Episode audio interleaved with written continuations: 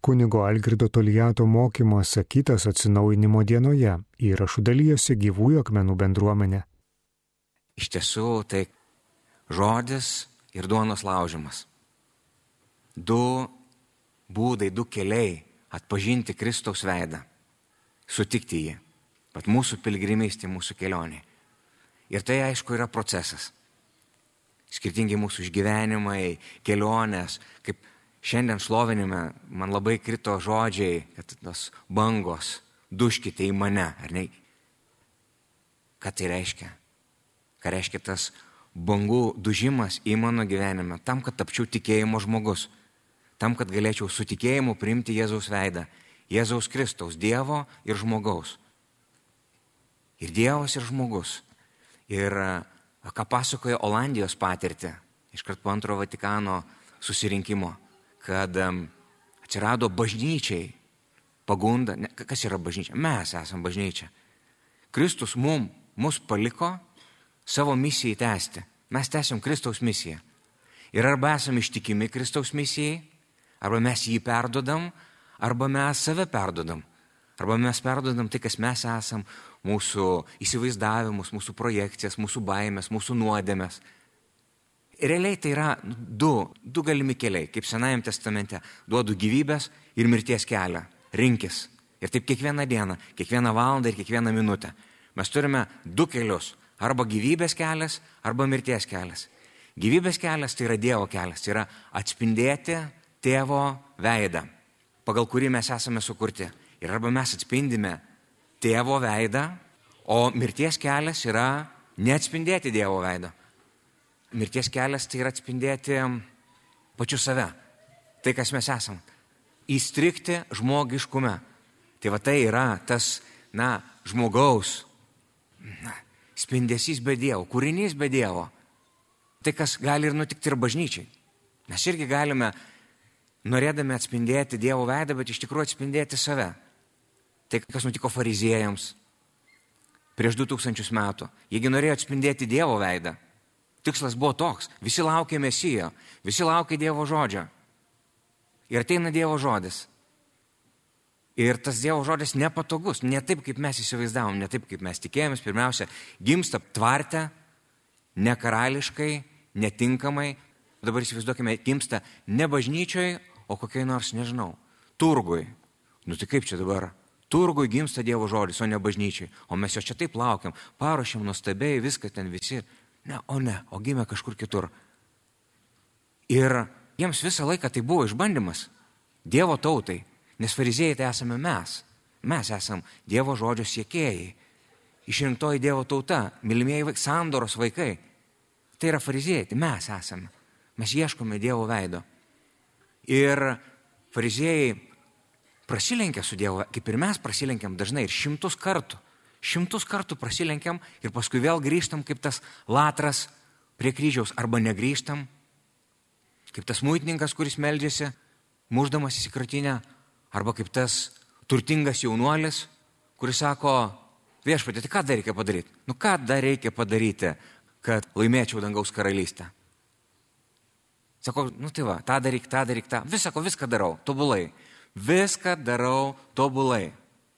Važiuoju į atsinaujinimo dienas gyvųjų akmenų, šlovinu, į mišes vaikštau, šventaraštą skaitau kiekvieną dieną, rožančių meldžiuosi, gailestingumo vainikėlį, tą, tą, tą, tą ir dar šimtus kitų dalykų. Ir Kristus sako, super, tai va dabar visą tai parduok, išdalink ir sek paskui mane. Ir jaunuoliui ar senoliui, čia kiek skirtumas, jaunuolis ar senolis, koks skirtumas kas? Jam šokas. Jis visą gyvenimą to kaupė, siekė, įgavo įdirbį, įgavo tam tikras kompetencijas dvasinės. Ir dabar sako, dabar tu visą tai paleisk ir sek paskui mane. Nu ir neperžengiai šitos ribos. Jam buvo per sunku. Jis liko su savo žiniomis, bet ne su Kristumi. Sek paskui mane, va tapk dalimi, pereik nuo teorijos prie praktikos. Nes, bet ten buvo praktika. Tik meldėsi ir tą darė, ir adoravo. Nu, aš čia kabutės įdinu, nes adoracija prasidėjo nuo Kristus, bet tai nesvarbu. Viena ar kita praktika. Ten buvo tos praktikos, bet vad kada reikėjo žengti žingsnį ir paleisti viską, nebekontroliuoti.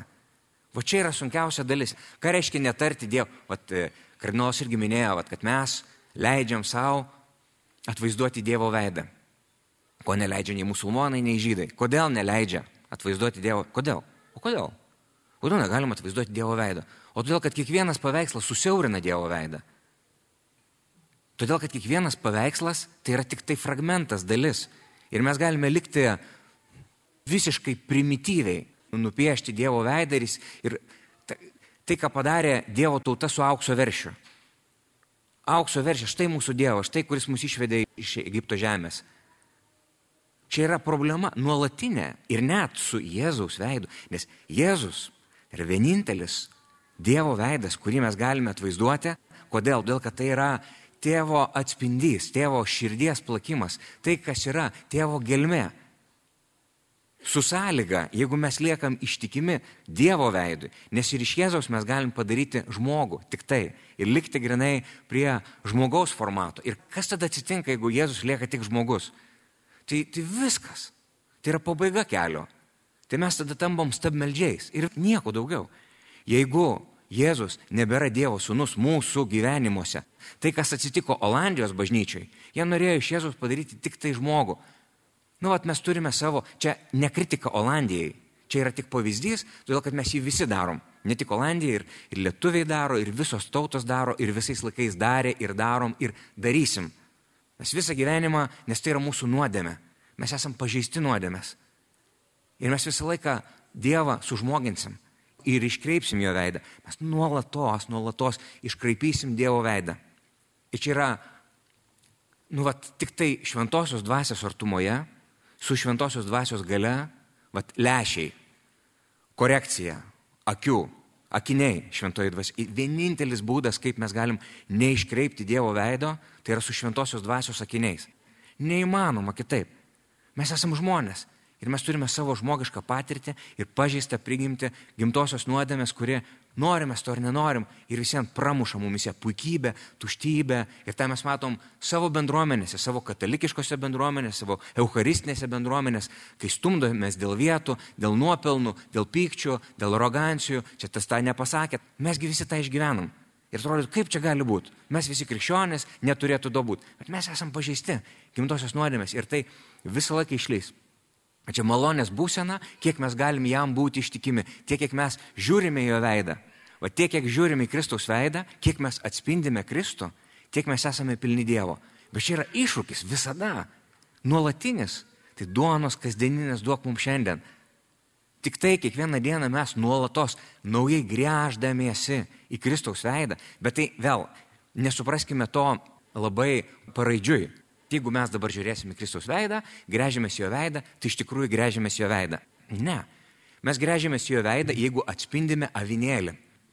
Dievo, tai reiškia patį Kristų, jo veikimą, jo gyvenimą, jo buvimą, jo esmę, jo pulsavimą širdies, kaip Jonas, mylimasis mokinys, vienintelis, kuris atpažino prisikėlimą iš ženklų. Kodėl? Todėl, kad jisai jautė Jėzaus širdies virpesius.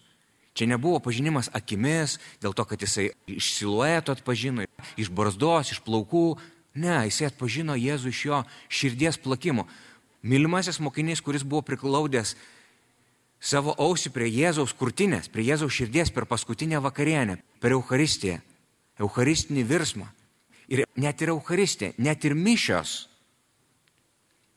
jos įvyksta tiek, kiek mes jas priimam iš Jėzaus perspektyvos, šventosios dvasios malonę. Nes mišios pačios iš savęs, jos gali vykti ir nepakeisti mūsų širdžių. Šventasis Augustinas yra sakęs, tūkstantį kartų gali priimti komuniją, jos neprimdamas.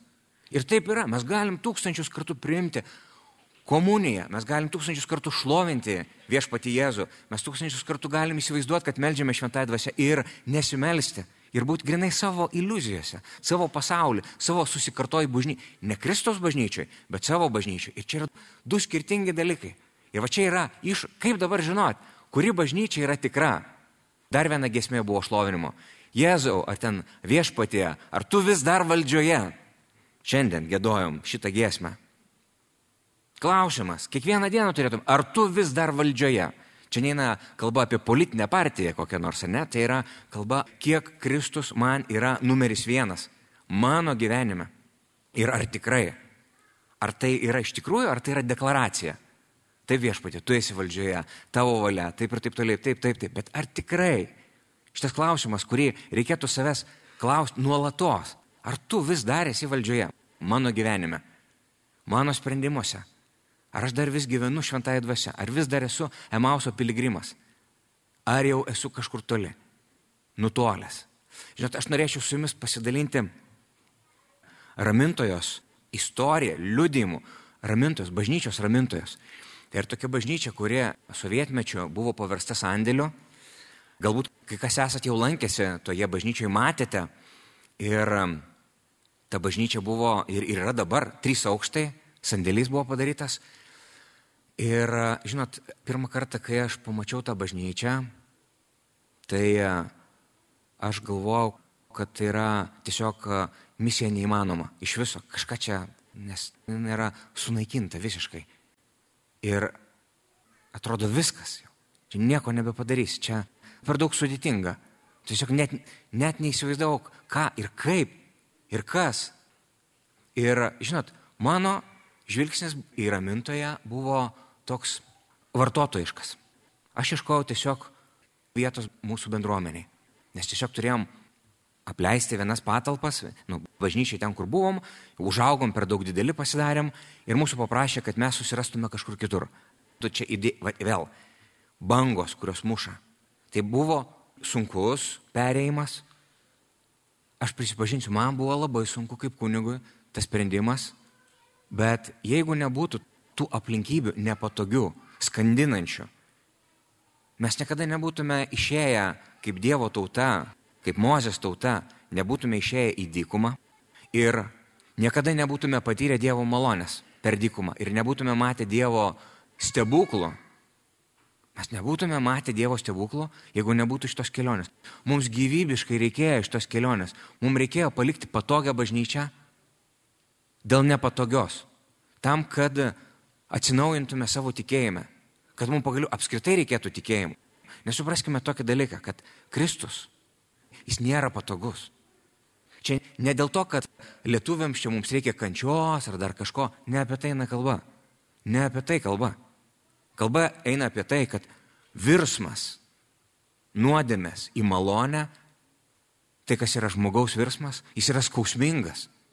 Tai yra skausmingas perėjimas. Iš mirties į gyvenimą. Krikštas yra skausminga. Ir neturėkime iliuzijų, nes kitaip, įsivaizduokime, tai tada, o tada ką? tai Kristaus kančia, o ko jin? O tai kam jis čia dabar stengiasi? Jis galėjo, kalbėjo apie Euharistiją, kalbėjo apie kūną ir kraują, kalbėjo apie virsmą. O kam? Kam jis erzino tos Dievo tautos mažutėlius? Taigi galėjo palaviruoti, ką jam pritruko diplomatijos. Nu gražiai galėjo išlaviruoti, patogiai pasakyti, nu tai jūs įsivaizduokite, nu čia toks įvaizdis, nu čia truputėlį apie tą, nu truputėlį apie aną, jūs tik neužpykite, visiems vietos užteks. O jis nevinio. Kodėl? Kodėl Jėzus neviniojo žodžių į vatą? Kodėl jis buvo nukryžiuotas? Tik jis galėjo išvengti drąsiai. Būtų superinis mokytojas, gurų, mylimas, gerbiamas, turtingas, visos bendruomenės neštų eitų pasigydytis, gyventų ilgai ir laimingai. Kam čia reikia? Trys metai. Tai šitaip susifeilinti gyvenimą. Viskas. Kryžius. Kodėl? Kodėl reikėjo šito Kristui Todėl, kad tai yra žmogaus kelias. Tai mūsų kelias, tai yra tikėjimo kelias. Mums, vad kaip tam jaunajam žmogui, kuris viską turi visą tikėjimo bagažą, bet dar reikia vieno žingsnio. Eiti paskui Kristų per kryžių į prisikėlimą ir į šventosios dvasios patirtį. Ir jeigu mes to neturim, tai mūsų bažnyčia yra namų bažnyčia blogąją to žodžio prasme mūsų tik tai susikurta, mūsų įvaizdis, mūsų įsivaizdavimai. Bet čia nėra Dievo bažnyčia, tai žmogaus bažnyčia. Ir didžiulis milžiniškas skirtumas. Nes Jėzaus veidas mums tada yra tik žmogaus veidas, bet ne Dievo veidas.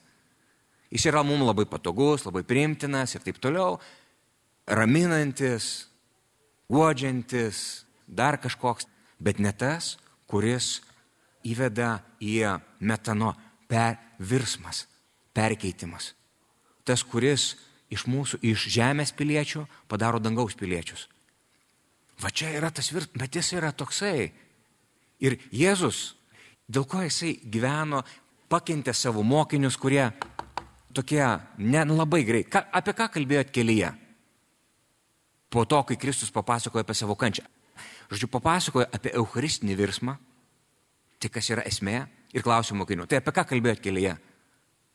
Jie nieko nesakė, jiems buvo gėda, nes kalbėjosi apie tai, kuris didžiausias. Čia, va. Ir Kristus ir priemė tos mokinius su viskuom ir ėjo su jais tris metus, o po prisikėlimo toliau juos vedė. Ir įvyko tikras perkeitimas bažnyčios ir bendruomenės, užaugimas, suvokimas. Tikrai mokiniai pačioj pradžioj nebuvo ir tokie įgalus, kokie tapo tame kelyje su Kristumi. Ir tai buvo visa, visa, visa kelionė. Galiausiai net to paties Petro. Atsimenat, kuo vadės istorija, legenda, pasakojimas. Kai jau pradėjo krikščionys persikyti ir sako, tu bėg, tu čia pas mus esi ganytojas, tave mes turim apsaugoti, esi uola, mes turim čia tavai saugoti, mes čia pakentėsim Romoje, o tu bėg iš Romos, svarbiausia įsigelbėt. Ir Petras bėga ir sutinka Kristų. Jis sako, eina į Romą. Aš sakau, tai kur tu eini viešpatė, kuo vadys? Nu, sako, aš einu antrą kartą mirti. Ir Petras suprato, kad čia neina klausimas apie tai, kad reikia išsaugoti kažkokias pozicijas, pastatus, galę, kažkokią tai dar. Tikslas yra išsaugoti Jėzaus veidą. Vienintelį, kuris mums apreiškia tai, kas yra tėvas. Tiltas tarp dangaus, o visa kita yra nesvarbu, visa kita yra detalės, visa kita tai yra šalia. Jeigu Dievas bus pirmoje vietoje, visa kita susidėlios. O šiandien labai gražiai Rūta taip pakvietė visus aukoti ir dalintis. Ir ta auka, nu ką, gyvėjai akmenis, nu normalu, aišku, tie gyvėjai akmenis, tokia netipinė čia ta mūsų bažnyčia, ši čia, ar ne? Be altoriaus, ar, balto. O kas sakė, kad nėra altoriaus? Čia mums taip atrodo, kad nėra altoriaus. Šventosios dvasios altorius yra, mes šlovinam, O ką Dievas nebuvo tarp mūsų? Aš net mačiau vienu metu, nu, ne balandžio pavydalu, bet garsisto pavydalu, čia visas sunerimęs vaikščiojo tarp šlovinimo ir kaiščiojo visus e, laidus, žodžiu, ryšius. Taip įsivaizduokit, šventoji dvasia irgi labai panašiai veikia. Mes ten šlovinam, garbinam, galvojam, kad čia mes viską darom. Nieko panašaus, šventoji dvasia veikia ir daro tiltus mums nežinomų būdų. Tai vad jeigu mes nešlovintume ir nedarytume, Sakytume, ai, bet aš nežinau, aš nemoku, aš negaliu, aš ten ta, ta, ta. Tai tada Dievas veikia per mus, net kai mes nematom. Jisai veikia ir daro. O dabar, ar tą gyvųjų akmenų bažnyčią reikia išlaikyti? Aišku, kad reikia. Ar čia yra prievalė? Ne. Čia nėra prievalė. Čia yra malonė. Čia malonė, kad mes galime aukoti. Malonė, kad mes galime kurti atsinaujinimo dienas, daryti išgyventi gyvai, pirmiausia. Taip pat išgyventi nuotoliu, visi tie, kurie stebi nuotoliu. Aišku, nuotoliu ne tas pats, kas gyvai. Galbūt šventoji dvasia kaip tik specialiai ir sumaišė visus laidus, norėdama pasakyti, žiūrėkit, daug prarandant nedalyvaudami gyvai. Nieko nepadarysi, suprantu, kad kažkam gal iš tikrųjų nėra tų galimybių atvažiuoti, bet daug prarandat, nes tai niekada nepakeis gyvo buvimo. Ir ne tik dėl to, kad mes čia vieni kitus pamatom, bet dėl to, kad Dievas norėjo veikti per savo bažnyčią ir prisiliesti prie mūsų per, nu, per šitą bendryją. Dievas mus keičia per bažnyčią. O bažnyčia, sako, žmonės sako kartais, aš tikiu Dievu, o bažnyčia tai netikiu. Ką reiškia netikiu bažnyčia? Tai tu esi bažnyčia, kaip tu netiki? Tai vadinasi, nu taip, va tokia ir bažnyčia, toks koks tu esi, tokia ir bažnyčia. Ir čia ne tai, kad kaltint kažką, jokių būdų, bet realiai, jau bažnyčia, tai kiekvienas iš mūsų esam. Tai jeigu tu netiki bažnyčia, tai, tai gerai, pagalvok, o ką aš galėčiau padaryti, ką aš galėčiau pakeisti savyje, kad labiau tikėčiau bažnyčia. Aišku, lengviausia būtų pasakyti, a, jūs padarykite aną, tie padarykite šitą, jūs padarykite, ne, bet ką aš galiu padaryti savyje, kad galėčiau būti labiau bažnyčia. Tai čia va, klausimas. Ir čia yra klausimas Jėzaus klausimas mum, jeigu mes norime susitikti su jo veidu. Ne tuo dirbtiniu kažkokiu, neišgalvotu, nesuprojektuotu, su tikruoju Jėzaus veidu. Jeigu mes norim susitikti, nes tas susitikimas su Jėzaus veidu vyksta procese, kelioniai. Mauso kelioniai. Ne kažkur sėdė, ne kažkur ten nestatiškas jis yra. Jėzaus veidas. Ir mišios nėra statiškos. Ir Dievo žodis nėra statiškas. Taip mes kartais atsisėdę skaitom, bet kai jisai pradeda veikti mūsų kasdienybėje, tai nėra statiška. Ir to negalima atskirti. Ir jeigu mes padarom Dievo žodį, ir, ar, ar net ir, ir Euharistiją, grinai va tokį statišką kažkokį susitikimą, tai neveikia. Ir mes matom, kad tai neveikia. Visos bažnyčios, tame tarp ir ramintoje šiandien, labai priešinausi rūtos kvietimui atvažiuoti į atsinaujinimo dieną. Sakau, kaip aš paliksiu ramintoje? Nėra kam. Visos bažnyčios švenčia Euharistiją. Kai kurios po aštuonis kartus buvusi mano parapija, nes lietuviškai, lenkiškai ir taip toliau panašiai. Kristus nespėja, žinai, grįžti į dangų, jau reikia leistis vėl žemynį žemę. Pirmin atgal, pirmin atgal. O vaisiai? O kur yra vaisiai? O tada, palaukit, o kodėl tada, o kodėl bažnyčios tuštėja? Kodėl, o kodėl tai tiek nedaug krikščionių yra? O kodėl tai neveikia? Bet jeigu, jeigu Euharistiją mes švenčiam, kodėl tai neveikia? Gal kokį pagėdus išėjus iš laiko? Kas yra? Kodėl Euharistija neveikia? Todėl, kad Euharistija ir nėra stebuklas, kuris vyksta savaime, tai yra žmogaus ir Dievo susitikimas. Tai jeigu mes savo dalies nepadarom, tai jinai nelabai ir veikia. Arba veikia 5 procentais. Jeigu mes išėję su savo skiečiais, po lietumi Dievo malonės, tai ir nesušlapsime. Ir nebūsime pašventinti. O dabar ką padaryti, kad mes taptume pakrikštyti šventąją dvasę? Kaip užkleistos lietsargius? Va čia yra klausimas. Kaip padaryti, kad Euharistija veiktų? Kaip padaryti, kad Dievo žodis veiktų? Tai va čia yra ta kelionė. Ir pradėjau pasakoti apie ramintoją, apie tą sandėlį. Ir sakau, aš nebuvau tikėjimo žmogus aš, kai pamačiau šitą vietą, aš nepatikėjau. Kaip Tomošius, neviernas, nepatikėjau aš ramintoje. Kodėl aš ją nepatikėjau? Dėl to, kad aš žiūrėjau ją ne Dievo žvilgsniu, aš ją žiūrėjau savo žvilgsniu, savo, nu, vad, kaip aš įsivaizduoju, kaip suprantu, kaip čia gali būti, kaip čia nebūti. Ir galiausiai savo poreikiu, aš negalvojau kaip Dievas, ką Dievas nori ir kaip Jisai nori. Aš galvojau, aha, man dabar reikia kažkur sutalpinti 300 žmonių. Kur? kur man dabar eiti su, su 300 žmonių. Reikia atlaisvinti pat, kur eiti. Pirmas mano žvilgsnis į ramintoje buvo vartotojiškas. Ir žinot, taip atsitiko, kad mm, man atsiuntė labai trumpą eilėraštį apie šitą bažnyčią Jurgio Kunčino. Jurgis Kunčinas, tai amžinatelis poetas, labai mylėjo ir myli Vilnių Ir jisai gyveno Savičiaus gatvė, kaip tik kur yra bažnyčia. Ir matė ją uždarytą, matė ją transformuotą sandėlių, girdėjo visus tuos garsus motorus. Ir jisai savo keturailį rašo apie bažnyčią, rašo apie jos kančią. Ir su tokiu klausimu. Ir ar išmuš tavoji valanda? Nu, nesi nei Seimūnų bendrabutis, nei kompiuterilendas.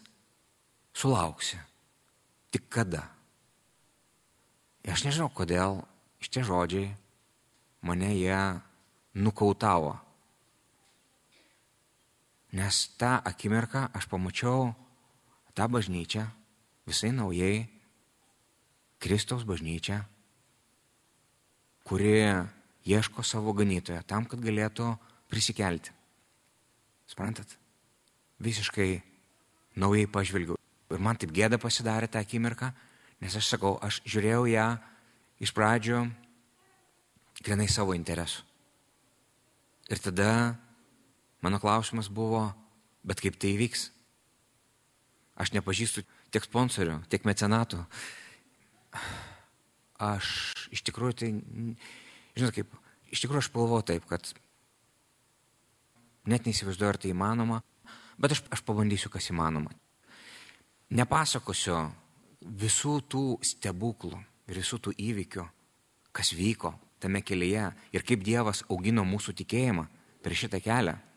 nes užtruktų per ilgai, aišku, Ramūnė taip labai neatsargiai, nebematau kur jinai, bet e, sakė, sako, kunigė, čia truputėlį užsitempėm, tai jūs kalbėkit, kiek norit, šito man negalima sakyti, nes taip ir bus. Aš čia pasidėjau laikrodį, bet viskas tvarkoja, nebijokit. Tai aš pasistengsiu nesuvalgyti jūsų pietų. Bet su ramintojos daugybė tų dalykų vyko ir tiesą pasakius, aš su ramintoju jaučiu, kad jinai padeda man tapti labiau kunigu, tikėjimu, eiti vilties tiltais. Ir kaip toj poemoje sako, tarp žmonių bedugnės. Ir tik meilė stato tiltus. Ir tai avarinius. Žodžiu, jokių garantijų. Tu gali eiti neturėdamas jokių garantijų. Tiesiog. Tai yra tikėjimo kelias. Girdėjote kunigo Algirdo Tolijato mokymą sakytą atsinaujinimo dienoje.